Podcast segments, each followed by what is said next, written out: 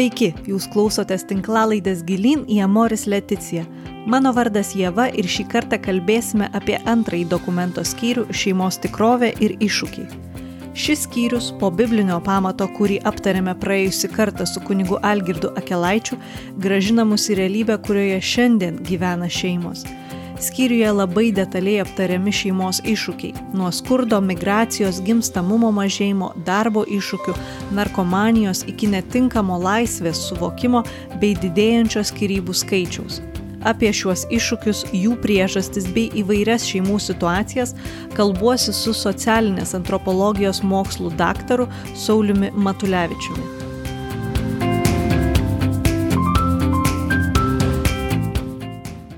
Kalbamės apie antrąją Moris Leticija skyrių šeimos tikrovė ir iššūkiai. Ir pirmiausia, noriu tiesiog paklausti, kokia yra jūsų nuomonė apie šį skyrių. Reikėtų pradėti nuo paties dokumento, kuriame šitas skyrius yra. Na, šitas dokumentas yra labai ilgas, kaip pati sakėte, ir tirštas, e, dėl to, kad jo ambicija buvo apimti šeimos tikrovę kurioje jinai gyvena. Ne tik tai laikytis to idealo, kuris yra aukštai, kartais toks su sparnais, bet e, pažiūrėti į tai, kaip iš tikrųjų atrodo šeimos gyvenimas arba gyvenimas šeimoje arba judėjimas link santokos mūsų, taip sakant, empirinėje tikrovėje. Ir tuo šitas dokumentas yra unikalus. Ir manau, kad turint omeny, kad jo apimtis yra didelė, tai čia yra skaitimo ir studijavimo uh, eiliai metų į priekį tikrai. Ir šitas dokumentas pats buvo renktas ryšyje su jo pirmtakais, su popiežiaus pranciškos pirmtakais, pirmtakų raštais, reikėtų sakyti taip. Taigi popiežius, man atrodo, yra netgi kažkur kažkada leptelėjęs, kad man buvo labai lengva parengti šitą dokumentą dėl to, kad iš principo jisai savo pra, tam tikrą prasme jau buvo parengtas dar iki man tampant popiežiumi prieš tai buvę dokumentai, enciklikos, popiežių ir viskupų raštai, teologų veikalai jau paruošė dirbą šitam dokumentui. Jeigu mes žinom, kad pavyzdžiui Jonas Paulius II, kuris parengė kūno teologiją ir kiti dokumentai dabar pamiršau popiežiaus vardą, kuris parašė, kuris su, išleido Humanė Vita encikliką. Paulius šeštasis, man atrodo. Va, Paulius VI, tai jisai, tai Benediktas XVI ir jo indėlis į, į šeimos teologiją ir bendrai iš tikrųjų kaip pasaulinio, pasaulinio masto intelektualas, pasaulinio garso intelektualas, reiškia į teologiją jo indėlis. Visi šitie dokumentai iš tikrųjų ruošia dirba šitai popiežiaus pranciškaus enciklikai ir, jį, ir tą encikliką reikia matyti šitame kontekste. Ir šitas skyrius aš jo aš jį man jį sunku pažvelgti atskirai nuo viso dokumento konteksto. Jisai parengia ir paaiškina tam tikrus tikrovės aspektus su kuriais susiduria šeima ir santuoka. Ir ir iš esmės nuleidžia šeimos teologiją į empirinę tikrovę arba ragina teologijai nusileisti į empirinę tikrovę ir tenai empirinėje tikrovėje susitikti tuos žmones ne pakylėti žmones į kažkokią tai reiškia idealą bet nusileisti iki žmonių tikrovės ir toje tikrovėje tuos žmones susitikti ir kartu rasti sprendimus. Tai yra dokumentas tiek pasauliečiams tiek dokumentas kunigams kuriuose kunigai yra raginami pasitikti daugiau tuos žmones jų pačioje tikrovėje. Ir kai kurie komentatoriai netgi pasakė kad nu čia šitas dokumentas reiškia nu krūvio padidinimą ganytojams ir tai iš dalies yra tiesa. Tai nebuvo naujovė tai nebuvo nu tai nieko naujo popiežius iš principo nepasako kunigams bet jos jisai tiesiog juos paragina ir nu, tokią siūlo tokią paspirtį eiti ten kur tos šeimos susiduria tose tikrovėse ir ne kažkaip moralizuoti idealais bet pasižiūrėti o ką mes galim padaryti kaip kaip tai šeimai padėti ir tame skyriuje, e, kurį, apie kurį mes dabar kalbame, ten tų tikrovių elementai ir labai gražiai atskleisti, apie kuriuos, kuriuos mes pakalbėsime. Tai e, ir norėčiau pradėti. Pačioj pradžioj, iš karto, kai tik pradeda kalbėti apie iššūkius, yra įvardinama antropologinė kultūrinė kaita kuri daro poveikį visiems gyvenimo aspektams, įskaitant ir šeimą tikriausiai. Tai noriu pirmiausia ir klausti, kokia yra ta minima antropologinė kultūrinė kaita. Tai yra labai svarbus dėmuo. Ta kaita yra tokia daugiasluoksnė, daugialypė, kad ją vienu sakiniu ar net ir keliais sakiniais įvardinti yra labai sudėtinga. Bet jinai, ta kaita kultūrinė, technologinė, čia dar reikėtų pasakyti, kaita visų šitų kaitų visuma galiausiai šeimą paveikia labai smarkiai. Pavyzdys būtų toksai. Santokų mažėjimas yra tikrai nepageidautinas reiškinys. Ir žiūrint antropologiškai, santoka, šeima, monogaminė, heteroseksuali santoka pagrista šeima turi pačius geriausius, sukuria pačią geriausią aplinką bręsti vaikams. Bet e, priežastys, kodėl žmonės renkasi nekurti šeimos, gali būti tiek hedonistinės, tiek individualistinės, tiek ekonominės, tiek ir posttotalitaristines. Pavyzdžiui, aš visai, man visai neseniai teko susidurti su faktu, arba sakykime, su tam tikra antropologinė tikro, tikrovė, kad dalis žmonių santokos kaip tokios nekuria, gyvena kartu nesantokoje, bet santokos kaip tokios nekuria dėl priež... tos priežasties, kad jų pačių tėvų santokos buvo tragiškos ir jie nenori šito modelio kartoti, nes įvaizdis yra toksai, kad jų tėvai gyveno tą standartinį, kabutėse tikros šeimos modelį, reiškia susituokę, su tipiškose tų socialinių vaidmenų, reiškia stereotipuose e, gyvenanti šeima ir žmonės to kartoti. Bet tiesą pasakius, visa tai yra, bet dar ir labai nevykęs modelis. Reiškia, meilės ir gal kartais net ir pagarbos ten minusas, o žiūrėk dar ir skirybos, tai ir tie žmonės nenori kartuoti šito modelio. Dabar, kad suprasti mastą Lietuvoje šitos problemos, pavyzdžiui, Lietuvoje, tai reikia suprasti, kad tai yra didžiulė dalis mūsų šalies žmonių, kurie gyvena santokai, jų motyvas yra toksai, jie bijo iš tikrųjų ryštis į šitą, žengti šitą žingsnį ir enciklikoje apie tai kalbama ir vėliau popiežius kitose skyriuose, nu, reiškia, ragina žmonės žengti drąsos žingsnį, nes to drąsos žingsnio jiems trūksta. Bet ir čia ką svarbu pasakyti, kaip atsispindi ta antropologinė tikrovė šitam aspekte, kad didelė dalis tų žmonių, kurie užaugo nedarniose šeimose ir renkasi gyventi nesantokoj, e, už jų stovi dar gilesnė antropologinė tikrovė, kur pasirodo, kad e, visuomenėse, kurios yra kankinamos totalitarizmo traumų, paprasčiau sakant kultūrinių traumų kurios atsitinka žmonėms po įvairiausių totalitaristinių režimų tose visuomenėse šeima ir santuoka arba šeimos institutas patiria krizę didžiulę. Kaip taisyklė visose pasaulio e, visuomenėse, kur tai yra įvykę, ar tai buvo socializmas, ar tai fašizmas, ar kokia nors kitokia totalitarizmas, ar kolonializmas, kuomet kažkuria visuomenė yra kolonizuota kitos didesnės galios, tenai, sakykime taip, šiuo atveju Šiaurės Amerikos indienai, Australijos aborigenai, postaparteido Afrika ir tos visuomenės, jeigu žiūri, jos visos yra posttotalitaristės arba postkolonijinės, šeimos institutas ten patiria didžiulę krizę. Dėl to, kad iš tikrųjų žmonės yra, žmonės yra stromuojami tų režimų, jie sukuria labai, jiems sunku sukurti gražius santykius, patvarius santykius, tuose, tuose nepatvariuose sukurtuose santykiuose gimsta vaikai, kurie patiria šito jų gyvenamo, jų tėvų gyvenamo modelio netvarumą ir išėję gyventi savarankiškus gyvenimus, jie stengiasi nekartoti tų klaidų. Ir kaip klaida arba kaip trūkumas, kaip įda, jiems atrodo tas tradicinis santokos modelis. Tai čia buvo labai įdomus atradimas man e, ir ir ir ir būtent popiežiaus enciklika ir bando atkreipti dėmesį kad ne ne dėl kažkokio moralinio pakrikimo ar dėl noro paleistuvauti be pasekmių? Žmonės nekuria santuokos bet yra daug daugiau e, įvairiausių veiksnių ir ir spalvų ir atspalvių kodėl žmo kokia yra iš tiesų ta antropologinė tikrovė.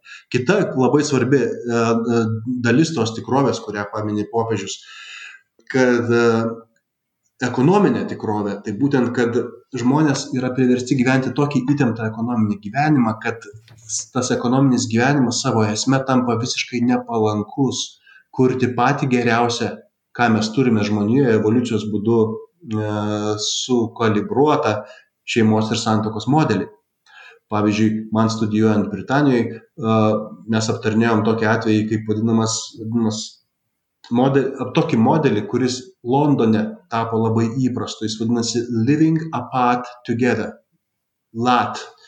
Uh, tai reiškia, kad žmonės kaip ir formaliai yra vyras ir žmona, bet iš tikrųjų susitinka tik savaitgaliais. Kodėl? Todėl, kad vienas dirba viename Londono gale, o kitas dirba kitame Londono gale.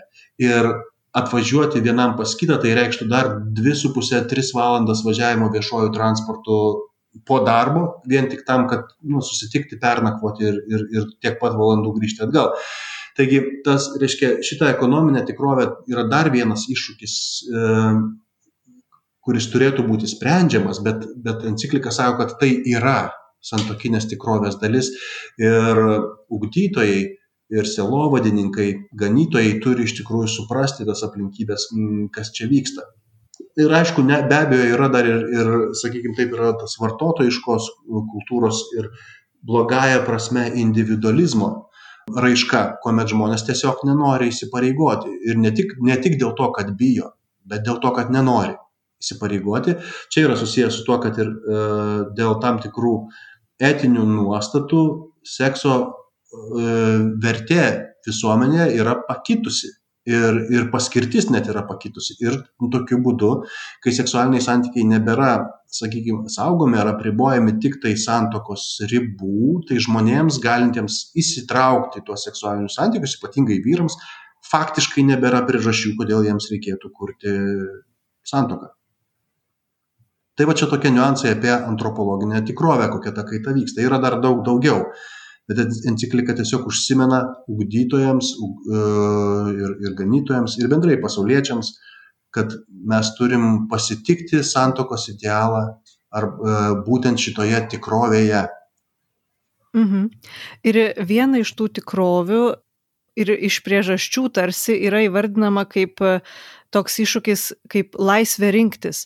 Ir iš dalies ji leidžia projektuoti savo gyvenimą ir geriau save ugdyti, cituoju dabar dokumentą, tačiau kita pusė yra, kad jei stokoja taurių tikslų ir asmeninės drausmės, išsigimsta į negebėjimą dosniai save dovanotis. Tarsi dvi pusės yra, gal gali truputėlį apie šitą laisvę rinktis pakomentuoti? Taip, čia yra svarbu pakomentuoti tokį niuansą paprastai dabar daug katalikų sako, kad individualizmas arba klasikinis liberalizmas yra nesuderinamas su krikščionybė. Ten, kur ir būtent individualizmas ir klasikinis liberalizmas labai smarkiai akcentuoja žmogaus galimybę ir laisvę, pasirinkti šitos laisvės svarbą, pasirinkti. Ką šiuo atveju reikėtų pasakyti ir priminti, kad pati asmens laisvės paradigma kurią artikuliuoja tiek individualizmas tiek klasikinis liberalizmas bendrai jis iš tikrųjų yra kilęs iš krikščioniškos e, idėjos nes tiktai krikščionybėje žmogus tampa iš tiesų laisvas santykyje su dievu. Ir santykis su dievu jį išlaisvina tampa pirmesnis sakykim taip ankstesnis už bet kurį kitą santykį. Ir, ir čia sakoma, kad nu, protestantizme, vystantis ypatingai protestantizme, šitas aspektas dar labiau, kaip sakant, liberalizuojasi ir pavyks, įgyja tam tikrą um, perinterpretavimą ir tokiu būdu istoriškai, tai aš visiškai subjektyviai dabar sakau, jisai nuvažiuoja nuo bėgių, ta prasme, kad jis nebetenka komunitarinės dimensijos, komunitarinės, tai sąryšio su bendruomenė. Ir klasikinis liberalizmas E, ir vėliau, galima sakyti, libertarizmas toksai reiškia, kur e, ir, ir, ir kitos liberalizmo atmainos, jos iškelia asmens pasirinkimo laisvę visiškai išimant iš konteksto e, to asmens sąryšio su bendruomenė konteksto. Būtent. Ir čia ir, ir tik šitame aspekte kyla iš tikrųjų tos laisvės rinktis pavojus, kai mano laisvė rinktis tampa pamatiniu atskaitos tašku e, visiems mano sprendimams, nepaisant to, kad aš iš tiesų gyvenu bendruomeniai ir labai daug ką esu skolingas bendruomeniai ir visuomeniai, nes be jos gyventi negalėčiau. Tai šia prasme problema yra tik tai viena šitoje vietoje - tos laisvės, su, laisvės rinktis suabsoliutinimas.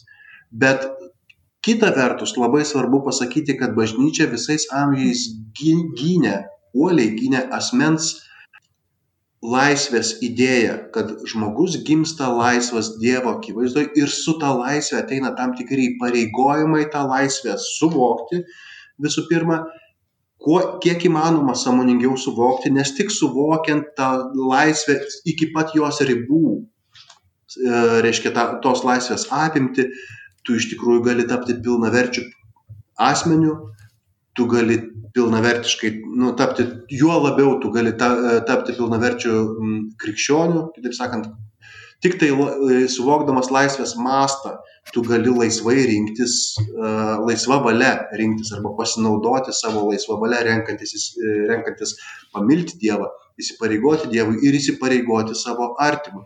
Tai jeigu žmogus neturi laisvės pasirinkti, mylėti arba sukurti šeimą su vienu ar kitu asmeniu, tai tada mes turim nu, tikrai nepilną, e, nepilną vaizdą to, kas yra santoka e, Dievo akise.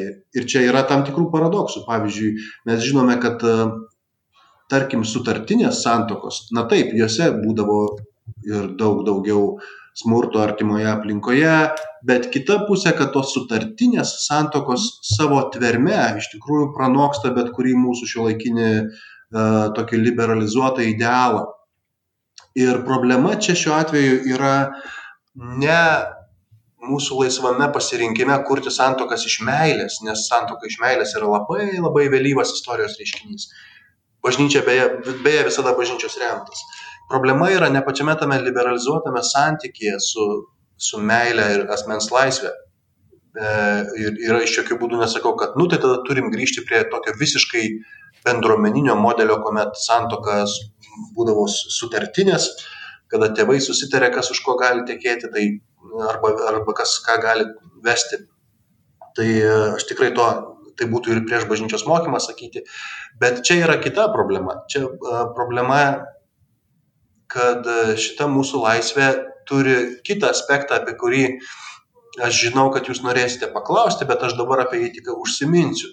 Čia mes tu, šita mūsų laisvė rinktis tampa neišbaigta tuo met, kai, kai mes atrandame jos plotį ir gilį, bet pamirštame mūsų sąlytį su bendruomeniškumu, antra ir mūsų įsipareigojimą bendrajam gėriui. Ir visų pirma savo pačiam. Kitaip sakant, jeigu aš atrandu savo laisvę vartoti, bet e, negalvoju apie tai, kokias pasiekmes tai turi man, kur yra mano teisės ir laisvės vartoti ribos, nes jos tikrai turi būti. Tai mes turim tokį pavyzdį. Aš labai gerai žinau ir ne iš santokos pavyzdžių. Aš kažkada studentams dėsčiau, kad 20-ojo amžiaus 19 pabaiga, 20-ojo pradžia iki 20-ojo amžiaus vidurio buvo tam tikras kultūrinis žmonių vakarų pasaulio susijaudinimas. Žmonėje gyvena tam tikram vakarų pasaulio kultūros susijaudinimo būsenoje, kuomet žmonės atrado, kad jie gali technolog, kad gali natūralius mūsų išteklius paversti energiją ir mes beatodairiškai puolėm tai daryti e, ir, ir iš tikrųjų pasiekėm fantastiškų rezultatų. Bet mes, mes nepritaikėm nei saikingumo principo, nei prudencijos, tos veikiančios išminties, praktinės išminties principo, ko pasiekoje mes turim šiukšliną planetą ir šiukšliną kosmosą aplink mus, e, reiškia atmosferą aplink mus. E, ir, ir tai rodo tik tai, kad, kad galvojant, kad, būt, žiūrėkit, technologinė pažanga ir visas gėris, kuris yra susijęs ir vien tai, kad mes šiandien karantino sąlygomis galim kalbėtis šitą temą ir, ši, ir mano šitą kalbą su jumis, jūsų kalba su manimi pasuoks, pas, pasieks daugybė žmonių ir, ir žmonės galės pasirinkti, klausyti, kada jie nori. Tai čia yra nuostabus technologinis pasiekimas. Bet tai vis, visa tai turėjo savo kainą ir ta laisvė, kuri sukūrė didžiulį proveržį visuomeniai, e, ne, ne, neiškėlus tam tikrų pamatinių klausimų apie tos laisvės e, ribas, atsiranda klausimai apie tai. Tada mes vėliau turime tvarkyti su šitos laisvės trū, ribotumo arba sąlyginų, nu, kaip sakykime, šalutinio poveikio pasiekmėmis. Lygiai tas pats ir santokoj, kai mes turim labai didelę laisvę rinktis, kuo didesnė, tuo geriau visiškai atsietai nuo bendruomeninio ir bendrai kultūrinio, o galų gale etinio, moralinio konteksto, tai mūsų laisvė tiesiog nu, netenka stuburo. Jis tampa tokia kaip, kaip, kaip medūza, kaip, kaip želė, kuri faktiškai yra stumiama ideologinių vėjų į vieną arba į kitą. laikinumo kultūra tikriausiai yra tas, ką jūs užsiminėt, kad norėsiu jūsų klausti. E, tai kadangi gal pradėjom šitą temą, gal ir galim tęsti apie laikinumo kultūrą ir labiau noriu prileisti prie šeimos konteksto, kaip, kaip laikinumo kultūra, kokie jo simptomai ir priežastys yra, kalbant apie šeimą ir santoką. Visų pirma, ta laikinumo kultūra pasireiškia tuo, kad žmonės e, santoką dabar mato kaip ne kaip natūralią trajekt, žmogaus m, mm, gyvenimo trajektorijos raidą, bet kaip vieną iš daugybės pasirinkimų, kurie yra mm, jo asmens gyvenimo rinkoje, jeigu taip galima sakyti. Ir aš nenoriu sakyti, kad, oi, aš čia, čia ekonominė paradigma, čia mus visus sugadino, čia tikrai į tai nenoriu leistis, bet, um, nes aš nesutinku su tuo. Bet irgi objektyviai kalbant, reikia suprasti, kad pasirinkimas gyventi santokoj žmonėms užaugusiems pertekliaus visuomenėje yra vienas iš pasirinkimų, o ne natūrali tra, gyvenimo trajektorijos tekmė. Dėl to, kad jiems e, tai, ką iš tikrųjų tas saugumas e, ir galimybės, kurias suteikdavo santoka anksčiau, dabar yra visiškai atsietos ekonominė netgi prasme atsietos nuo priklausimo giminiai, nuo priklausimo klanui kažkokiam tai ir žmogus gali pats sau vienas susikurti labai didelį gerbuvį ir, ir gyvenimą kokio nori. Ir, o, sakykime, o šeima iš tikrųjų kaip, san, santoka kaip tokia um, dar iki 20-ojo amžiaus, sakykime, vidurio, gal net, nu, gal, galima sakyti, iki 20-ojo amžiaus pradžios, uh, tai iš tikrųjų buvo kur kas labiau, labiau negu bet kas, tai buvo nu, tikrai ekonominiai mainai ekonominiai tame tarpe ir emociniai mainai, žinoma, e, ypač kai vakarų visuomenėje mes pradėjom tuoktis iš meilės, bet, bet tai didelė dalimi buvo ir ekonominiai mainai, sukuriant, įsiliejant į giminystės, e, e, giminės e, tinklą. E, ir tuose tinkluose prasidėdavo paveldėjimų srautai, pagalbos šeimai srautai, kada ten kažkokie giminaičiai susimeta, ten padeda įsigyti ten kažkokį tai ten turtą ar, ar kažkur padeda susirasti darbą. Tai šiuolaikiniai išliberalėjusiai visuomeniai e, santoka, kuri vaidino šitą vaidmenį, tiem žmonėms nu, nebereikalinga. E, retas, kuris dabar tuokėsi tam, kad paveldėti turtą, nes to, nu, visų pirma, turto pasidalinimas yra dabar uh, žymiai horizontalesnis, žmonė, e, daug daugiau žmonių, kitaip sakant, yra atsiradusi daug didesnė vidurinioji klasė negu anksčiau. Ir retai, kada žmonės dabar jau sukuria tokias santokas, kur iš tikrųjų jos yra motivuotos tik pa, e, ekonominiais tikslais, turto paveldėjimo, pavyzdžiui, tikslais. Tai todėl žmonės iš tikrųjų gali, e, jiems nebėra prasmės. Jeigu jie patys yra ekonomiškai visiškai savarankiški, tai tas motyvas atkrinta iš karto. Dabar, jeigu jeigu kalbėti apie ekonominį nestabilumą, ekonominis motyvas prisideda prie, e, tampa dar vienu dėmeniu, kuris e, prisideda prie to, kas, ką mes šiandien vadinam laikinumo kultūra. Bet šiuo atveju tik tai pirmas dėmuo, apie kurį mes kalbam. Kitas dėmuo yra ekonominė kaita ekonominė kaita yra tokia sparti ir tokia dinamiška, kad, kaip sakiau, ekonominė tikrovė e, šiandien yra labiau tapusi dažnai tampa kliūtimi, o ne akstinu sukurti šeimą. Ne visada, bet pakankamai dažnai, kad apie tai kalbėti. Ir, sakykime, ir didžiulė migracija žmonių, kurie kada jau darbo surandama, ieškoma jau ne tik, kad kitam mieste arba kitoje miesto dalyje, bet žiūrėk jau ir kitoje šalyje, arba mažų mažiausiai šali, kitoje šalies vietoje, tai, tai iš tikrųjų prisideda prie to laikinumo jausmo, nes tu su tuo žmogumi faktiškai jau ir negyveni, kaip ir nieks ir nesaisto tavęs, arba, arba saisto labai nedaug. Tai irgi prisideda prie to laikinumo pojūčio. Ir galų gale, kaip, sakykime, kaip, kaip e, razinka ar višnaitė ant torto, tas prisideda ta blogoji individualizmo pusė, kuomet žmogus iš tikrųjų nesupranta, o tai kodėl jam reikėtų gyventi kitaip nei kad tiesiog suėjus kartu, nes etinių argumentų nėra, ekonominių argumentų nėra. Kultūra ne tik, kad nebe, nebedaro socialinio spaudimo, bet faktiškai dar ir priešingai ragina taip gyventi. Ir tokiu būdu mes turim žmonės, kurie auga aplinkoje, jeigu dar ateina iš šeimos, kuri, pavyzdžiui, buvo išsiskyrusi ir kažkokio pastovumo ar tvarumo vidinių argumentų irgi neturi, pavyzdžio neturi, tai tie žmonės tiesiog nu, nepajėgus ir neturi savyje vidinės, vidinių, sakykime, galių sukurti arba motyvo, net galių ir motyvo sukurti, tai žiūrėti į santoką kaip, kaip į projektą. Projektą ilgalaikį. O projektas visam gyvenimui iš vis yra žmonėms šiandien jau ypatingai jaunesniems negu aš, sakykime, nuo to, to, tų kartų, tai yra labai didelis iššūkis. Visiems tai yra didelis iššūkis, bet, bet priimti rimtai žmogaus įsipareigojimą visam gyvenimui šiandien yra labai sudėtinga.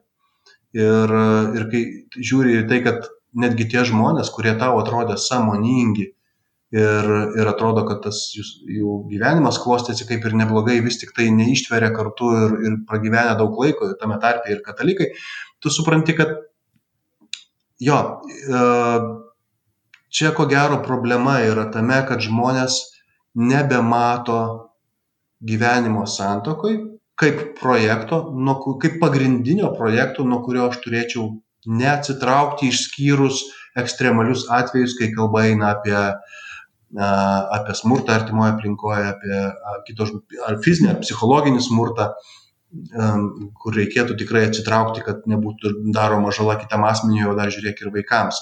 Tai žmonės, suprantat, čia gal dar reikėtų sakyti netgi, kad ir pati ekonominė paradigma e, yra pakitusi, nes niekam nebesvarbu sukurti daiktą, dalyką, kuris dirbs 20 metų tau, dėl to, kad jeigu tu sukursi kokį nors, sakykime, telefoną, nes technologinės galimybės sukurti negendančius arba labai mažai gendančius daiktus yra, bet, bet reiškia, niekam nesu, įsivaizduokit, sukurs kažkas tai batus, kurie tau tarnaus 10 metų ir nenusidėvės, tai arba kokį nors įrenginį, telefoną, nu tai tu 10 metų ar 20 metų tu daugiau nepirksi.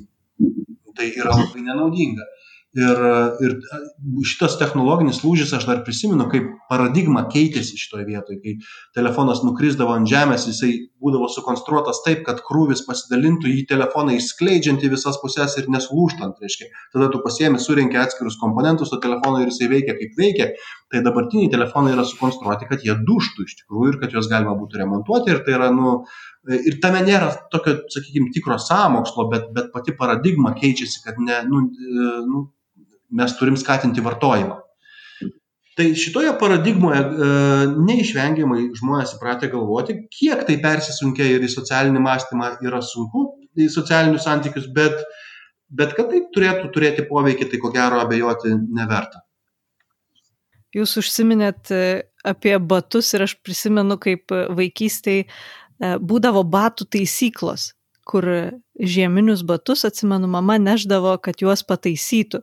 Ir galvoju, dabar mes tiesiog išmetam ir nusiperkam naujus. Ir iš esmės daiktų nebetaisom. Čia tikriausiai irgi išraiška laikinumo kultūros. Taip, ir iš dalies dar ir, sakau, mes ne tik, kad jų nebetaisom, bet dar ir nebetaisom dėl to, kad jie yra pagaminti. Suprantate, tam, kad nuleisti daiktų kainą, kad daiktai taptų prieinami kainos prasme visiems, jie nu, turi būti rasti kažkokie ekonominiai sprendimai, nes pasirodo, kad irgi perinvestuoti į medžiagas ir pasiūti batą, kuris tarnaus 10 metų ir per tos 10 metų 10 kartų pasikeis matos ir žmogus tų batų vis tiek nenešios, pasirodo vis tik yra ir neekonomiška. Tai nu, nuleistas, pasiektas toksai konsensusas, bet kaip aš visą laiką sakau, kad bet kokios paradigmos įsitvirtinimas visą laiką turi savo šalutinių poveikių. Jūs šiek tiek užsiminėt apie bažnyčią ir ypatingai, kai kalbėjot apie tai, kad bažnyčia visada skatino santoką iš meilės. Aš noriu šiek tiek pasikalbėti apie bažnyčią ir kaip jinai kalba apie santoką ir šeimą. Ir yra nedidelis skirelis šitam skyriui, kurį mes aptarėm, kur popiežius Pranciškus kviečia į sveiką savikritiką, kur sako, kad tikrai ne visada bažnyčia pristatydavo šeimą ir santoką šviesiai ir taip, kaip, kaip turėtų. Ypatingai gal pabrėžia, kad buvo išskiriama pareiga daugintis vietoj to, kad e, būtų kviečiama į augimą meilėje ir abipusės pagalbos idealą, arba e, taip pat kalba, kad dažnai būdavo tiesiog pernelyg abstrakčiai aiškindavo teologinę santokos sampratą.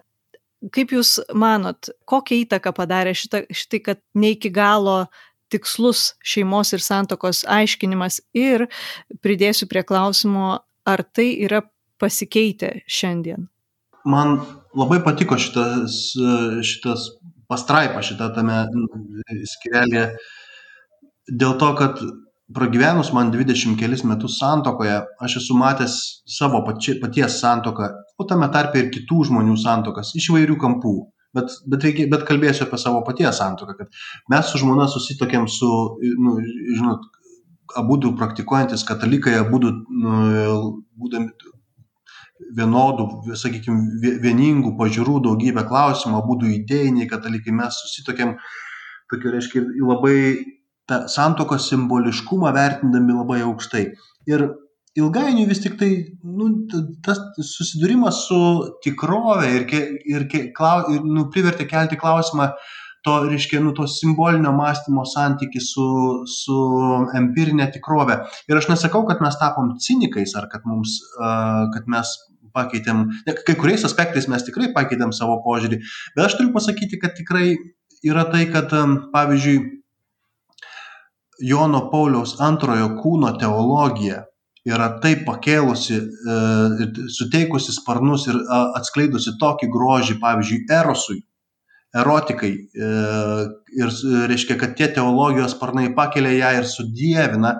Tuo tarpu iki tokio ligmens sudėvina, kad iš tikrųjų tai, nu, reiškia, tampa jau angeliškas aktas, netenkantis savo išdikumo, sakykime, netenkantis tokio, nu, ne tai, kad netenkantis, bet jį taip interpretuojant vien tik iš tos pusės, sutoktinių gyvenimo, er, erotinis gyvenimo, gyvenimas gali tiesiog netekti žaismingumo, o erosas kultūroje ir ką Benediktas XVI savo į, į, įvadę į encikliką Dėjos karitas, est labai aiškiai nu, užsimena apie tai, jis atskleidžia tą, kad erosas iš tikrųjų turi ir savo, sakykime, ir nu, tą tokią šešėlinę pusę, kurioje į, į tą šešėlinę pusę patenka žaismingumas, pavojingumas to eroso, kad jisai galų gale išdikumas, kad ir, ir jisai kalba apie tai, kad graikai ir romėnai e, labai aiškiai kalbėjo apie tai, kad šito, vat, šitos pusės, ne, ir pavojus tuo metu buvo, kad šitos pusės nepaisimas gali sugriauti žmogų ir, ir graikai ir romėnai kalbėjo apie greunamąją to šešėlio galę. Tai dabar iš tikrųjų e, mes galim kalbėti apie tai, kad yra kita tendencija, kad Jono Pauliaus antrojo kūno teologija suformuluota gali atimti, sakykime, nu, priklijuoti sparnus ir atimti e, tą tokią, reiškia, nu, trickster, angliškas žodis, to tricksteriškumo iš eroso, nes erosas iš tikrųjų santokai sutoktiniai turi švęsti erosą ne tik angeliškai, bet labai labai empiriškai, tikroviškai. Ir lytinis aktas šeimoje jis yra svarbus ne tik simbolinė prasme, bet, bet jis yra vertingas pats savyje. Ir tai yra meilės atnaujinimo, sutoktinių meilės atnaujinimo e, sritis, viena iš sričių.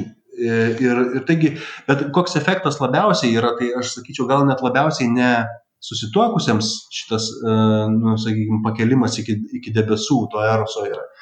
Bet nesusituokusiems labiausiai efektas, nesusituokusiems katalikams, dėl to, kad man teko matyti ir, ir aš galima sakyti, kad iš dalies šitos tokios, nu, saliginai problemos uh, dalimi aš ir pats buvau, kuomet nu, aš irgi žmonėms kalbėjau apie tą nu, santoką iš tikrųjų ir, ir tokio, tai, taip oriai, kad kai kuriems žmonėms dabar galvoju galėjo atrodyti labai netikroviška, ta prasme, kad jiems, jiems turint tuos orius idealus vis tiek reikia ateiti ir grįžti ir su, į savo tikrovę ir susirasti savo draugą, draugę, su kuria sukurti santykius ir nebūtinai tas draugas ir draugė bus katalikė, nebūtinai bus, o jeigu bus katalikė ar katalikas, nebūtinai bus praktikuojantis labai giliai. E, ir, nu, kitaip sakant, ta empirinė tikrovė, nu, reiškia, ir, ir nu, turi, turi būti tokia tikra. Bet dar negana to, tarp pačių katalikų, kurie uh, nori sukurti santoką uh, arba kurie yra atviri, sakyk, kurie yra, sakykim, santokos, pas, nu, reiškia, rinkoje santokos kūrimo, E, tai tarptų žmonių irgi, irgi persivalgymas kūno teologija Jono Paulius antrojo lemia tai, kad nu, jie, jie ima ir pamiršta patį eroso aspektą dažnai, kad, kad, santyk, kad tuose santykiuose tarp vyro ir moters turi būti erotinė įtampa. Ir ta erotinė įtampa turi ir vesti į santoką bet ne tik tai tyrai, bet, bet berniukas turi ir geisti mergaitės, tame tarpe irgi tas geismas neturi nuvesti jo į nuodėmę, bet, bet, bet, tas, bet negalima šito elemento išeliminuoti ir to noras kūniško artumo, jis yra teisingas, orus ir tikras, e, bet jisai turi turėti labai aiškę trajektoriją ir, ir jisai turi būti sublimuojamas ir, iškiai, iki tam tikros, tam, kad išlaikyti, kad išlaikyti šitą pagrindinį telosą, šito eroso. Telosas čia aristotelinis terminas, tomistinis terminas, kur to eroso juk prigimtis yra pakviesti žmogų atsiduoti vienas kitam, dviem žmonėm atsiduoti vienas kitam pilnutinai santokos glėbėje, santokos apsuptyje ir apsaugoje. Ir tokiu būdu tie, nu, tos suangelintos tikrovės man ir aš tai aš tai kalbu ir kaip praktikas ir stebėtojas žmonių kuriuos aš pats kai kada ugdžiau arba arba toje aplinkoje kurioje buvau. Man pasirodė kad kad jo čia yra dar vienas šalutinis efektas kurio niekaip negalėjai numatyti. Ir kai kada buvo žmonių kurie nusi nusivylė e, ir sakė kad nu čia viskas yra debesys yra gražu bet bet tikrovė yra kitokia. Ir aš galvojau na kokie jie nerimti, neatsakingi, bet aš suprantu, kad jie buvo teisūs. Ir problema yra tame, kad jeigu teologinė kalbėsena yra nepritraukta prie empirinės žmogaus tikrovės, jinai gali sukelti nepamatuotus lūkesčius ir sukurti įvaizdžius, kurie yra nepritaikomi praktinėme gyvenime. E, ir čia yra, čia tikrai rimtas iššūkis ir, ir popiežius labai gražiai apie tai savo enciklikoje kalba ir užsimena. Aš iš karto noriu klausti, kaip tik dabar žiūriu į tekstą Amoris Leticija, popiežius įrašo, kad kad turim atsirinkti žodžius, motyvus ir liudijimus, kuriais kviečiam jaunus žmonės į santoką.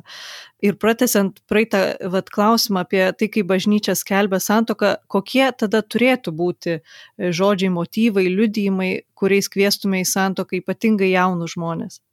Čia reikėtų pasakyti taip, juk bažnyčia iš tikrųjų neišrado santokos santuoka lenkia kaip reiškinys, lenkia bažnyčią savo, ne, savo senumu, savo pirmumu, bažnyčia tūkstančiais metų. Tai yra vienas iš seniausių žmogaus išrastų institutų, susiformavęs evoliucijos būdų, kultūros evoliucijos būdų. Ir ir bažnyčia nenaudoja iš tikrųjų kažkokių tai išskirtinių išskirtinai kitokių argumentų. Išskyrus kai kalba apie santuokos sakramentą kuomet santuoka yra pakylėjama į sakramento lygmenį ten atsiranda pagrindinis skirtumas tarp paprastos santuokos ir e, ir sakramentinės santuokos tai yra tiktai tai kad įvedamas kristaus dėmuo kur reiškia tik kristuje ta santuoka įgauna galią prisijungti prie dievo kaip pirminio meilės šaltinio nuo kurio mes atsiskyrėme per pirmąją nuodėmę. Čia yra toks e, esminis skirtumas, bet pati bažnyčia jinai e, neturi santokos diskurso monopolio. Ta prasme, jinai, jinai pripažįsta, e, kad visos santokos, kurios buvo sudarytos iki bažnyčiai atsirandant ir po bažnyčios, jos, jos yra galiojant, ta prasme, santokos yra tikros. Bažnyčia ne, neišranda santokos. Čia yra svarbu tą pasakyti. Ir tada pabrėžti, kad iš tikrųjų bažnyčia uh, kviečia į santuoką naudodama antropologinius, psichologinius ir kultūrinius argumentus. Ne kažkokius realiai hiperdvasiškus, nors tokių irgi yra ir tokius gal, galima naudoti.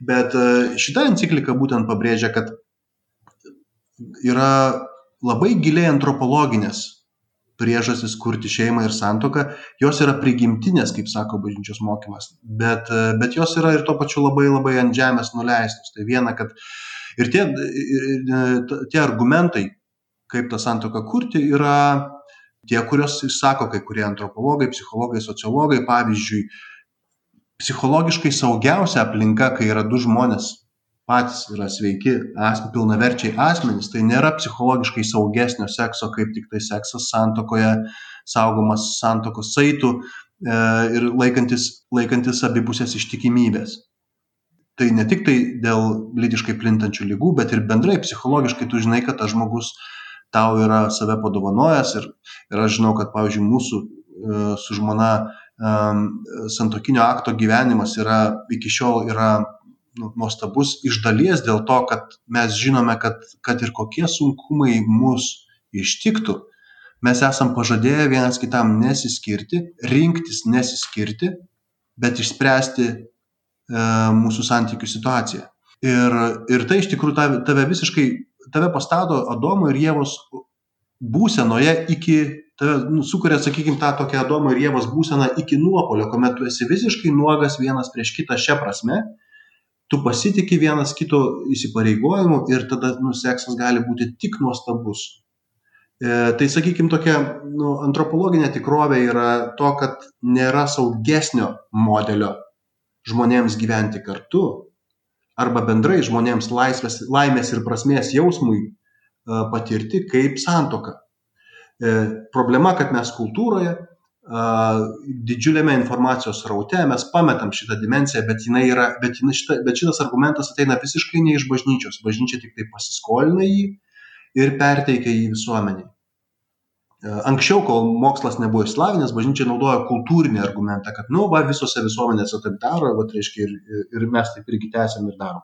Bet dabar yra daugybė, e, daug, daugybė mokslinių argumentų, kodėl iš tikrųjų šeima uh, santokos būdu sukurta, jinai turi pranašumą. Mes turim galų galę statistikos argumentus, mes turim psichologinius argumentus ir visi šitie argumentai yra validus, jie patikrinti pats nesaugiausias būdas moteriai gyventi, santok, gyventi santykyje su vyru yra gyventi su juo nesantokoje dėl to, kad, na ir kad ir pavyzdžiui, kaip atskleidžia statistikos, psichologijos studijos, kai kurios, kad moteris, dažna moteris gyvenanti su vyru nesantokoje jaučiasi, kad gyvena tarsi kaip ištekėjusi. Jis žengia tą tokį kompromiso, validumo kompromiso žingsnį o vyras šito žingsnio nežengia, nes jis masto paprasčiau, tokiam loginiam, e, e, primityvesnėmis loginėmis kategorijomis ir jisai gyvendamas su moterim nesantokoje nebūtinai jaučiasi, kad yra tarsi vedęs. Dažniausiai jaučiasi, kad yra nevedęs. Nu, ir, ir jo pagristumas, tas jausmas yra logiškas, nes jis nevedė. Jis bus vedęs tuomet, kai jisai ves ir tada mes galvo labai aišku koks tvarumas tų santykių gali būti kai viena vien vienas asmuo san šiuose santykiuose jaučiasi tarsi kaip ištekėjęs ištekėjusi o kitas asmuo yra nevedęs. Tai mes žinom kad tvarumas tokio santykio yra tikrai tikrai abejotinas. Na gal apibendrinti reikėtų pasakyt taip kad yra pakankamai nere nereliginio turinio argumentų, kuriuos bažnyčia dabar skolinasi ir pabrėžia. Žinoma, dažnai įvilkdama į teologijos kalbą, kodėl iš tikrųjų žmonės turėtų atpažinti, kad santoka ir šeima ir santoka yra geriausia, kas gali jiems nutikti. Žinoma, nebūtinai tai yra pareiga. Ne visi žmonės yra pašaukti į santoką. E, kiti turi kitokius pašaukimus ir žmogus, kitiems žmonėms tiesiog nesigauna dėl įvairių priežasčių. Ir, bet, bet tie, kas nori ir gali ir kam pasiseka, jie yra kviečiami kurtis e, santoką paremta šeimą, e, būtent vadovaujantis, reiškia, argumentuojant psichologijos, sociologijos, antropologijos, ekonomikos argumentais ir visais kitais sveiko proto argumentais judant toliau per dokumentą, aš kaip ir pradžioj vardinau, kad e, čia yra begalė, begalė e, tokių iššūkių įvardintų, problemų įvardintų, su kuriuom gyvena šeimos. Ir dvi iš jų yra įvardintos paradigminės situacijos. Tai yra e, migrantų ir neįgalių asmenų e, situacijas popiežius įvardina kaip paradigminės. E, kodėl jos tokios yra? Um, apie neįgalius asmenis. Tai mūsų pirmas vaikas gimė neįgalus. Ir mes su žmona labai gerai suprantam, e, ką tai, ką, ką tai reiškia, ką popiežius sako. Dėl to, kad turėti šeimoje neįgalų vaiką ir tikėti bažnyčios lozungais, kad tai yra dovana, na vaikas yra dovana tai niekam kelia nekelia abejonių bet tas neįgalumas kuris su su tuo ateina kai tu iš tikrųjų praleidi pavyzdžiui tris paras beveik nemi be beveik be miego tam tą vaiką slaugydamas yra labai sunku tą idealą jeigu nesi labai ideologiškai angažuotas tai tą idealą nu patirti empiriškai yra labai sunku. Ir net kai esi ideologiškai angažuotas kokie mes buvome su žmona tai vis tiek, ta, e, reiškia, žinant, kad tai yra idealas, empirinė tikrovė buvo labai karti. Ir kaip vėliau paaiškėjo, tai, tai be abejo, tai buvo didžiulis išbandymas mūsų santykiams, buvo labai daug konfliktų dėl vienos vienintelės priežasties, dėl nuovargio, buvo baimė susilaukti sekančių vaikų, buvo baimė iš tikrųjų užmėgsti santykių su tuo vaiku, kuris galėjo bet kada numirti. Ir, ir taip sakant, nieko panašaus į tai, kas, kas vyksta nor, kabutėse gyven, normaliam gyvenime žmonių, kai gimsta vaikas, mes nepatyrėm. E, dėl to mūsų, ta, reiškia, mūsų patirtis, mūsų tėvystės patirtis buvo labai to pirmos patirties suluošinta. Ir kai mes susitikom su, nu, su ta bendruomenė žmonių, kurie turi vaikus su tokiam pačiom bedom, fiziologinėm, mes pamatėm iš šalies kaip atrodo tie žmonės, kokie jie yra pakrikę visi, pervargę, pilni neadekvatumų, e, dažn, dažnai labai moteris liko, likusios be vyrų, nes vyrai ne, neatlaiko, nusispjauna ir išeina gyventi geresnio gyvenimo, kaip sakoma, andių padaro. E, ir, ir pasirodo, mes sužinojom, kad e, tik tai 40 procentų porų, šeimų su tokiais vaikais išlieka santokoje ir ir aš galiu suprasti kodėl. Dėl to kad gyvenimas labai sudėtingas ir ir tai yra ir tu jautiesi mamos jaučiasi kad tas vaikas juos išdavė nes iš tikrųjų dar jeigu mamos buvo jaunos tas vaikas gimęs iš tikrųjų suluošina tą jaunystę iki galo o vyrai irgi jautėsi kad jie visiškai ne ne to tikėjosi ir ne ne ne tam pasirašė ir ir dabar tampa iš tikrųjų pragaras dieną ir naktį. Ir ir čia yra tokia nu dėl to aš kaip suprantu popiežius kalba apie tai kad mes turim suprasti kad jeigu žmonės renkasi gyventi tą krikščioniškos šeimos idealą čia yra viena iš tų tokių aukų e, kurios yra paradigminės ne tik šiais laikais bet ir visais laikais. Bet bet bet šiuolaikinė visuomenė geba geriau įvertinti ir atpažinti per ką eina tos šeimos. Per tą atskirumo vienišumo jausmą per ekonominius sunkumus. Ir ir tai yra vieni iš tų sakykim popiežius kalba kad tai yra vieni iš tų tikrųjų mažutėlių. Ir lygiai taip pat kaip ir tai ką popiežius sako apie migraciją. Popiežius yra labai jautrus tiems kas yra iš tiesų šiuolaikiniai mažutėliai nes gyvenant vakarų visuomenėj visuomenėje kuri gyvena pertekliuje to sakykim nu va vargas ir skurdas tampa labai sąlyginiu ir ir tikrai net ir patiems žmonėms, kurie jaučiasi, kad jie yra skurde, yra sunku pasakyti, ar iš tiesų, nu, kiek, kiek tas skurdas, nes skurdesnių už juos yra pilna. Bet, tam, bet tai, kas iš tiesų nepalieka abejonių, kas yra tikrai šių laikų mažutėliai, biblinė, biblinė prasme mažutėliai, tai yra migrantai. Dėl to, kad migrantai, e, mes antropologijoje sakom displaced people, reiškia, jie, jie netenka, jie taip apiplėšti visko, materialine prasme, kad yra sunku įsivaizduoti. Tai yra žmonės netekę savo namų, savo bendruomenės, savo giminių, savo šalies, savo statusų socialinių, čia socialinis lygmuo ir, ir reiškia savo ekonominio statuso ir ekonominių gėrių. Ne, negana to, jie persikelia į kitas visuomenės bendruomenės, kur niekas jų nelaukia, jie yra nemylimi, jie tampa aukomis susiformuojančių mafijinių struktūrų ir klanų, kurias juos pavergia ir išnaudoja kai kada pačiose stovyklose. Ir mastai tų stovyklų yra kaip miestai, iš tikrųjų kaip maži miestai, e, kur žmonės tose palapinėse gyvena, ten vaikai tų migrantų dinksta be žinios ir yra įtarimas, kad dinksta į sekso vergyją ar, ar, ar reiškia, organų donorais. Ir, ir, ir tai tragedija yra neregėto masto, yra tautų kraustimosi masto tragedija ir, ir kaipgi bažnyčia gali kitaip reaguoti, kaip tik tai, kad tai yra paradigminis aspektas. Mes gyvendami vakarų visuomenėje, kur renkamės tik tai tą informaciją, kurią norim matyti ir užblokuojam tą informaciją, kurios nenorim, mes iš tikrųjų mažai apie tai kalbam, bet pavyzdžiui, apie tai, kas vyksta migrantų stovyklose koronos viruso pandemijos fone, mes iš vis negirdim.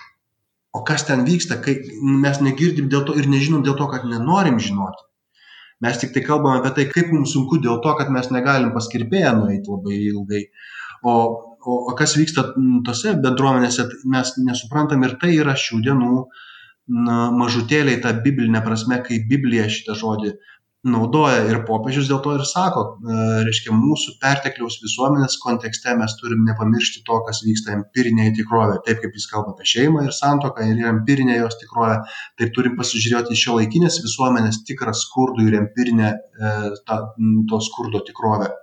Labai ačiū už Jūsų pasidalinimą.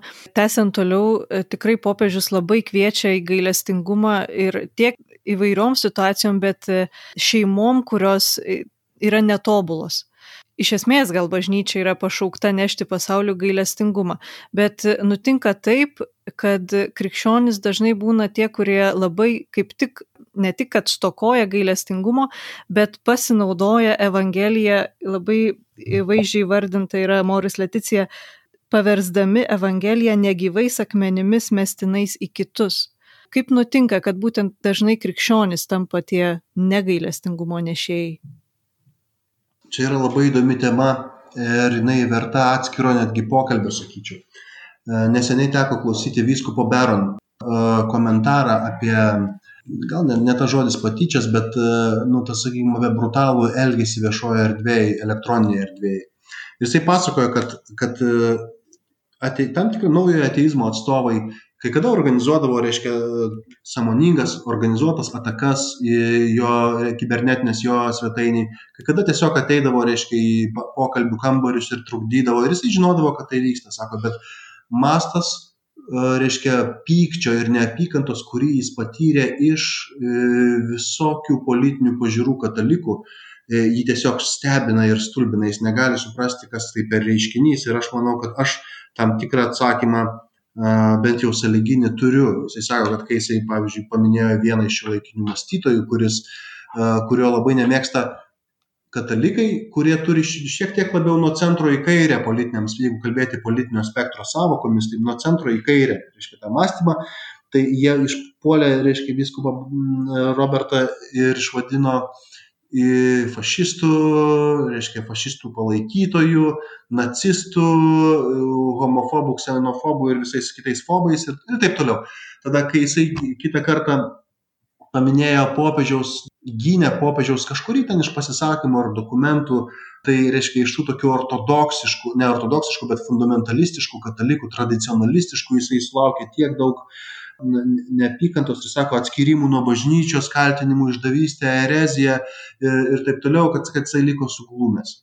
Ir jis neturi tam atsakymo. Jis, aišku, jis interpretuoja tam tikrą, bando išgauti atsakymus, man atrodo, kad atsakymas yra kitoks, negu kad jis suranda. Aš galvoju, kad gyvendami vakarų pasaulyje ir paveik, mes visi esam paveikti individualizmo. Ir, nu, ir tie patys katalikai, kurie labai spėriai kritikuoja individualizmą kaip tokį, visas blogasias jo pusės ir net ir Lietuvoje nesibodė iš tikrųjų kritikuoti viskupų sprendimų dėl tam tikrų, kad ir pavyzdžiui, karantino atveju ir visi išmano geriau už uh, viskupą ir labai dažnai ir popiežių.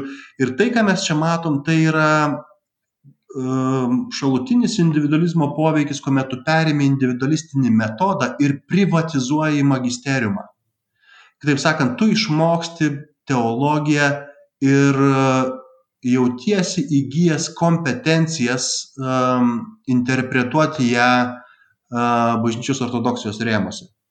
Ir čia yra, uh, tas reiškinys yra paplitęs per visą vakarų pasaulio, reiškia, vakarų pasaulio katalikybę, kuomet katalikai pasauliečiai jaučiasi pakankamai laisvi. Ir iš principo tai yra geras reiškinys, tiktai tai yra šalutinis jo poveikis. Kada pasaulietis jaučiasi kad jisai irgi yra bendrojo evangelinės ekonomikos vyksmo dalyvis, o ne vyskupo baudžiauninkas, kaip būdavo baudžiaviniai Lietuvoje, pavyzdžiui, ne, kai bažnyčia turėjo savo baudžiavinę, buvo baudžiavinės sistemos dalimi. Nu tai baudžiauninkas, nu ką, jis jausdavosi skolingas ir interpretuodavo bažnyčios mokymą tik tai kunigai, kurie baigė teologijos mokslus, kunigams viskupai ir taip toliau. Tai šio laikinė visuomenė yra netokia, bet dabar žmonės, kurie patys ar prisiskaito interneto ir, ir interneto komentatorių, ar baigė teologijos studijas, jie tampa tokiais, reiškia, liberaliais žaidėjais šitoje vietoje, kurie, kur jų liberalumas reiškiasi tuo, kad jie, kad jie galbūt psichologinė prasme, o gal ir narciziška tokia kompetencijų prasme jaučiasi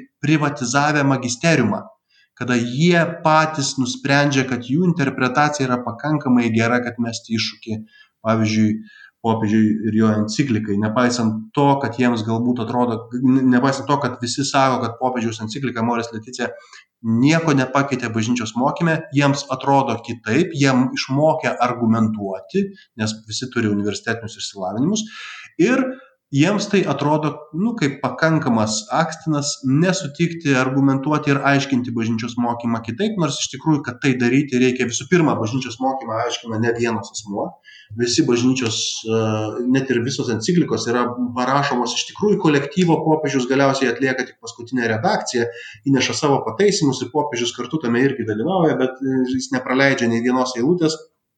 Bet bet tie tie veikalai ir tie pasakymai nu tie dokumentai bažnyčios iš tikrųjų yra grupės mokslininkų teologų turinčių klasikinį mokslinį išsilavinimą. Dažnas iš jų moka skaityti evangeliją graikų lotynų kalba reiškia ima originalius šaltinius jie dirba interpretuoja ir štai kažkoks tai žmogus su bakalauro išsilavinimu, kad ir su daktaro išsilavinimu nesvarbu, bet, e, bet jis ima vienas ir, ir iš tikrųjų jaučiasi, kad turi pakankamai kompetencijos tai kvestionuoti. Aš dar kartą sakau, aš galvoju, kad tai yra geras reiškinys, kad žmogus jaučiasi ne, ne e, reiškia, klerikalinis baudžiaunikas, bet e, taip pat reikia suprasti, kad mes esam pavojuje privatizuoti magisteriumą. To pasiekoje mes tampam labai agresyviais socialinių tinklų žaidėjais, kuomet mes greitai klyjuojam etiketės e, vieni kitiems ir mėtom akmenys vieni į kitus ir,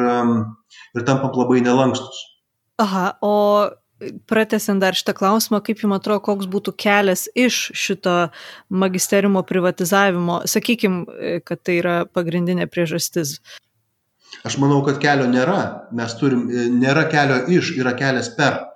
Mes turim per tai pereiti ir, ir sumokėti kainą. E, dėl to, kad kelias iš, tai sakykime, nu, kur mes galėtume eiti atgal? Nu, atgal į, į, reiškia, į autoritetų hierarchiją, kur mes neturim, nesijaučiam turintys teisės galvoti kitaip nei liepia autoritetas, tai žinoma taip neįvyks.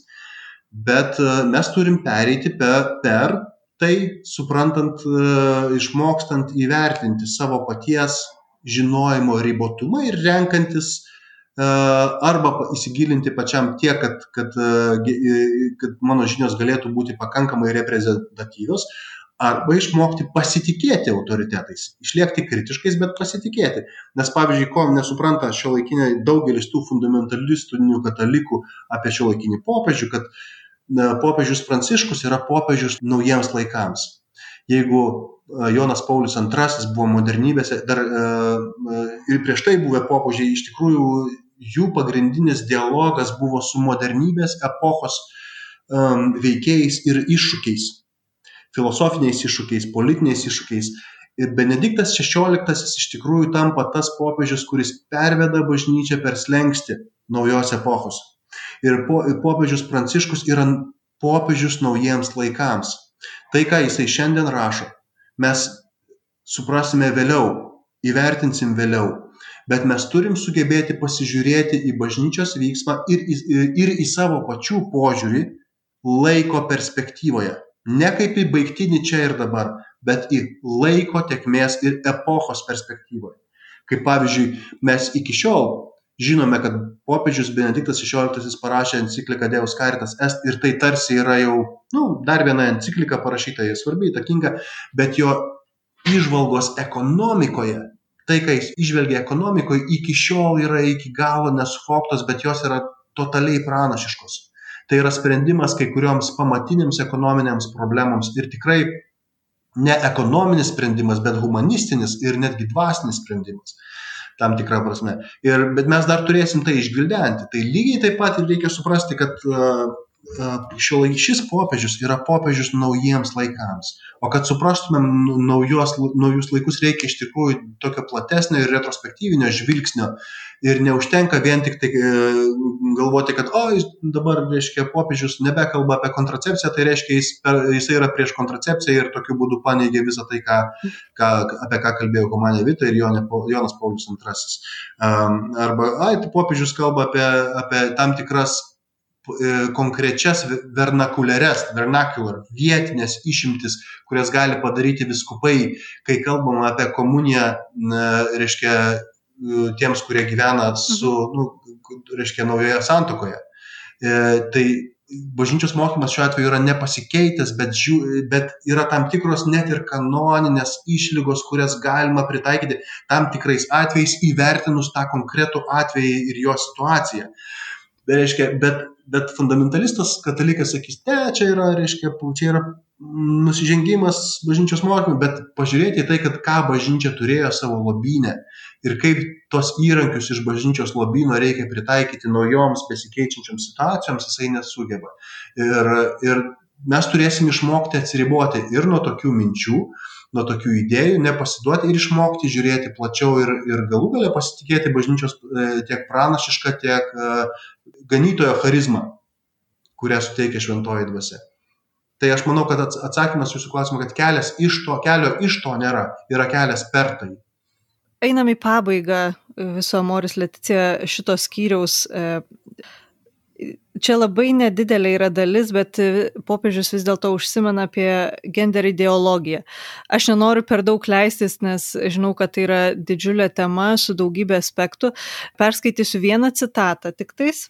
Tai yra Nenusidėkime norų pakeisti kurėją, esame kūriniai, nesame visagaliai, kūrinyje yra pirma mūsų ir laikytina dovana. Tai toks klausimas, tikiuosi, pakankamai konkretus. E, kaip Jums atrodo, kokios gender ideologijos skleidžiamos idėjos e, veda į tą norą pakeisti kurėją? Tiksliau, kurios konkrečiai idėjos?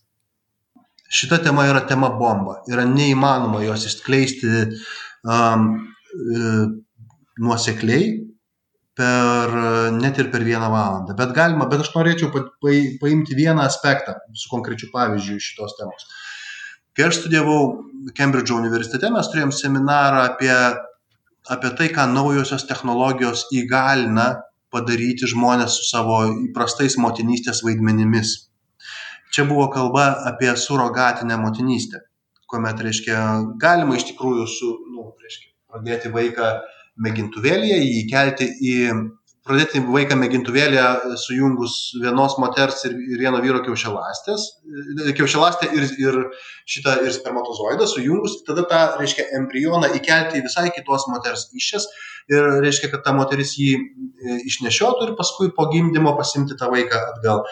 Ir šitas reiškinys buvo pristatytas kaip va neįtikėtiną technologinį šuolį, kuris galiausiai išsprendžia tam tikras uh, seksistinės arba nusistovėjusias uh, neigiamas stereotipus, patriarchalinius, tokius kaip vyras, žmona, tėvas, motina.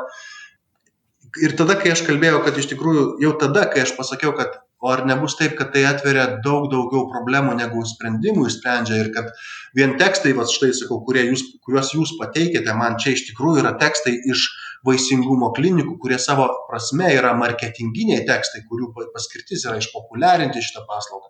Sakau ar ne nėra ar juk juk realybė yra tokia kad dažniausiai vakarų pasaulio žmonės važiuoja į trečio pasaulio šalis, kur yra labai, e, nu, reiškia, jų, jų pinigo vertė yra visai kita ir jie gali sauliaisti tai daryti ir, ir reiškia, pasirenka moterį, kuri yra e, skurdo ar nepritekliaus e, varoma ir ryštasi būti surogatinė motina, o kaip pasirodo dar ir dažnai verčiama daryti vyro, nes pinigai ateina geri, moteris pagimdžiusi surogatiniu būdu, reiškia, tapusi surogatinė moteris keturiems vaikams gali, reiškia, savo nusipirkti padorų namą, kur nors ten Delyje, Indijoje, kas iš tikrųjų yra nesuvokiama, e, ne, yra nesuvokiamas, nesuvokiam, čia mes kalbam apie didžiulius pinigus, didžiulius pinigus, kur niekada tie žmonės savo negalėtų leisti to padaryti. Ir, ir pasirodo, kad iš tikrųjų patį šitą, nu, reiškia, principą varo net ne pati žmona, o jos vyras. E, ir, ir verčia ją turėti, kur mes čia kalbam apie, apie reiškia, moters išlaisvinimą iš stereotipų, mes kaip tik įpinam ir į galios santykius tarp, uh, reiškia, tam tikrą, sakykime, nu, galima būtų sakyti, išnaudojimo formą. Ir visai neseniai tik tai feministės net pačios atpažino ir atsiribojo nuo šito reiškinio, sakydamos, kad iš tikrųjų tai, yra, tai neišlaisvina moters. Bet, e, bet kas, kas iš tikrųjų yra, nu, čia dar tik tai viena problema, bet kas didesnė problema buvo, tai yra toksai filmas dokumentinis, kuris vadinasi Google Baby. E, tame filme rodo, kaip reiškia gėjų pora e, surogatinės motinos būdu staiga nu, pasidarė savo vaiką ir, ir jie labai džiaugiasi tuo vaiku. Ir staiga vienas iš, to, iš tų vyrų toje poroje atranda, kad tai yra neįtikėtina verslo niša. Ir jis pradeda daryti verslą, reiškia, suranda surogatinės motinas Indijoje, jisai suranda klientus, kurie nori turėti, dažniausiai iš, iš ten filme rodomi tai dažnai labai iš gėjų bendruomenės, bet nebūtinai, tai reiškia, kurie nori turėti vaiką. Ir ir vienas pokalbis atskleidžia šitą reiškia nu mastą to konstru to to vartotojiškumo ir konstruktyvizmo kur apie kurią popiežius sako apie ką popiežius sako kad žmonės bando pakeisti dievą. A, tai reiškia kur tasai asmuo kuris užsuko šitą verslą kalbasi su potencialiu klientu ir aiškina kad yra surastos poros yra reiškia užmegzti kontaktai kontaktai su tomis moterimis kurios gali būt surogatinėmis moterys užmezga indijoj su klinika reiškia tokio gana ciniško elgesio su tom moterim, kur elgesi konvejeriniu būdu, reiškia, nu, bet klinika Indijoje, reiškia, prižiūri, aprūpina, padaro viską. Ir jisai kalba, reiškia, ir dialogas tasai tame filme parodo, reiškia, telefonu vyksta dialogas ir kalbama su potencialiais klientais, kur sakoma, kad, nu, kur jis bando išsiaiškinti gerai kliento poreikius ir klientai sako, kad nu, mes nuo klientai šitam santykiai, čia jau žiūrėkit įdomu, klientai paaiškina, ko jie nori, jie nori turėti vieną vaiką, tai jie tada tarėsi, kad mes turim sukurti daugiau embrionų, reiškia, ir mes juos iki ten padarysim ten kažkiek, ten, gal ten 70, sako, bet o tai mes nenorim, o kas jeigu jie visi prigis, nes klausimas, kiek jų prigis. Tai sako, jūs nepergyvenkit, nu, reiškia, gal jūs persigalvosit, norėsite turėti ne vieną, o du vaikus. Kitaip sakant, bet kuriuo atveju pagal tai kiek jūs norit vaikų mes iš tikrųjų nu reiškia mes we will do a reduction. Kitaip sakant mes nu kaip mes tiesiog redukuosime atsikratysime tų kitų prigijusių embrionų. Ir čia iš tikrųjų yra siaubas ką jis kalba tai ir tai kad visiems kitiems išskyrus tuos kurių norite mes atliksime abortą. Ir ir tada mes matom kad nu čia atsiveria tokia visiškai pramonė. Vaikų pramonė mašinerija kur iš tikrųjų tai moteriai kuri nešios vaikus ne tik tai, kad, reiškia, ne, jinai neturės e, galimybės to, tų vaikų pasilikti, kas iš tikrųjų dažnai būna psichologinės, psichologinė bėda ir net yra teisinių, reiškia, tokių precedentų, kuomet buvo, nu, bilinėjamasi, kad vis tik tai tą vaiką palikti, palikti tai, tai moteriai, kuri išnešiojo ir pagimdė. Ir, ir gana nesėkmingai tos moteris, kaip taisyklė, nu, netenka tų vaikų, kuriuos išnešioja. Ir, bet tai ne tik tai, kad ta, ta moteris neturi balso teisės tą vaiką kažkaip pasilikti, bet dar ir jai yra sute, už akių suderinama, kad tai moteriai bus padarytas abortas, redukuojant, redukuojant, reiškia, išnaikinant tuos kitus embrionus. Tai tas, ta, ta moteris tampa vis, viso labo maišeliu, kuriame vyksta procesas ekonominis, marketinginis, medicininis, o jinai yra viso labo, nu, tai reiškia, talpikla, maišelis. Ir tokiu būdu ir čia popiežius kalba apie tai visa tai sąlygo reiškias čia truputėlį už gender ideologijos e, ribų bet ir tame tarpe ir tai apima ir tai nes čia buvo iš tikrųjų kursas buvo gender studies kursas kuriame, kuriame mes studijavom bet tas filmas atskleidžia ką iš tikrųjų popiežius turėjo omeny kai žmogus bando užimti gal kartais nejučiom užimti dievo dievo vietą.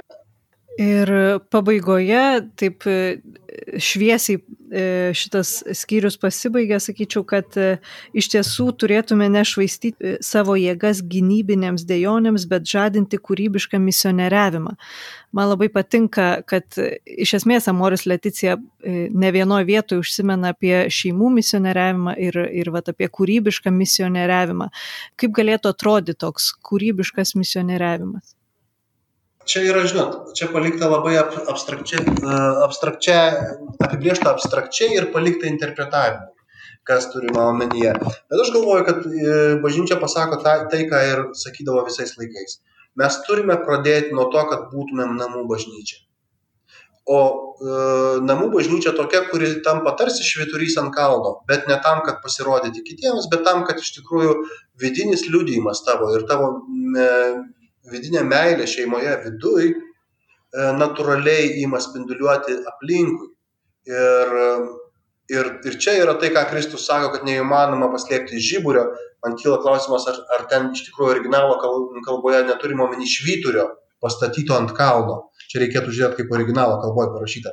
Bet ir šią prasme Kristus kalba, taigi neįmanoma paslėpti tokio žiburio arba švyturio pastatyto ant kalno Ir, ir čia yra tas, sakykime, kūrybingas misionieriavimas, kuomet mes visų pirma susikoncentruojam, susitelkiam ne į akmenų mėtymą, ne į moralizavimą kitų ir ne, nereiškia, ne, ne, ir, ir nusiraminame ir ne, nepergyvename, kad, kad dabar kažkas sugriaus uh, magisteriumą arba ar, ar, ar santoką, bet tiesiog turim grįžti atgal į santoką ir, ir pasižiūrėti savo žmonai į akis ir pagalvoti ir galbūt ir paklausti, o kaip aš galiu tave labiau mylėti? Ne teologiškai arba ne tik teologiškai, bet ir labai labai labai praktiškai ir kaip aš galiu mylėti savo vaikus labiau, kaip aš galiu mylėti, e, sukurti namų bažnyčią, kuri būtų to žyburio ant kalno.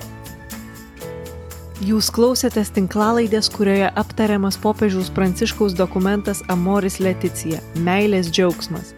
Kita kartą kartu su Vytauto didžiojo universiteto katalikų teologijos fakulteto dekanu ir dėstytoju Diakonu Benu Ulevičiumi kalbėsime apie trečiąjį skyrių žvelgti į Jėzų šeimos pašaukimas.